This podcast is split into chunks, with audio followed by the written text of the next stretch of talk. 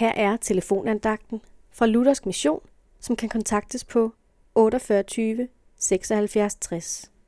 Andagtholderen i dag er Jens Christian Nyborg.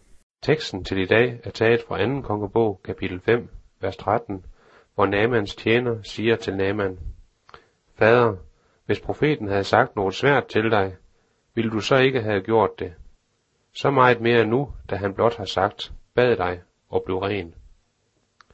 Naman var en mand fra Syrien, som var blevet spedalsk.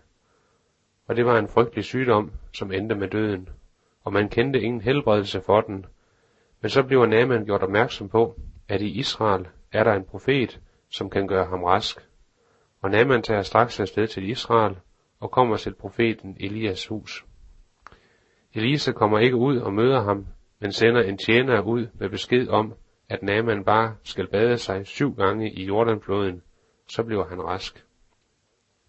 Naman han blev vred over beskeden, og vil ikke bade sig i floden. Det var dog alligevel for simpelt. Men så er der en af hans tjener kommer og siger det ord til ham, som vi lige læste, at havde det været svært, så ville han have gjort det. Hvorfor så ikke nu, hvor det ikke er svært? Du og jeg har ikke problemer med spedalskhed, men med synden, og vi har lige så svært ved at slippe af med den, som Naman havde med spedalskheden. Men der er en, som kan hjælpe os, og det er Jesus. Men mange vil ikke hjælpe sig Jesus. Ham er der jo ikke noget stort ved, og det han beder os om at gøre, er heller ikke svært. Hvor menneskelig stolthed forbyder os at gøre noget så simpelt, som at tro på Jesus. Men man kunne jo blive til grin. Men ordet i dag siger det klokkeklart. Vil du hjælpes, må du tro det ord, der bliver sagt, og gøre det efter.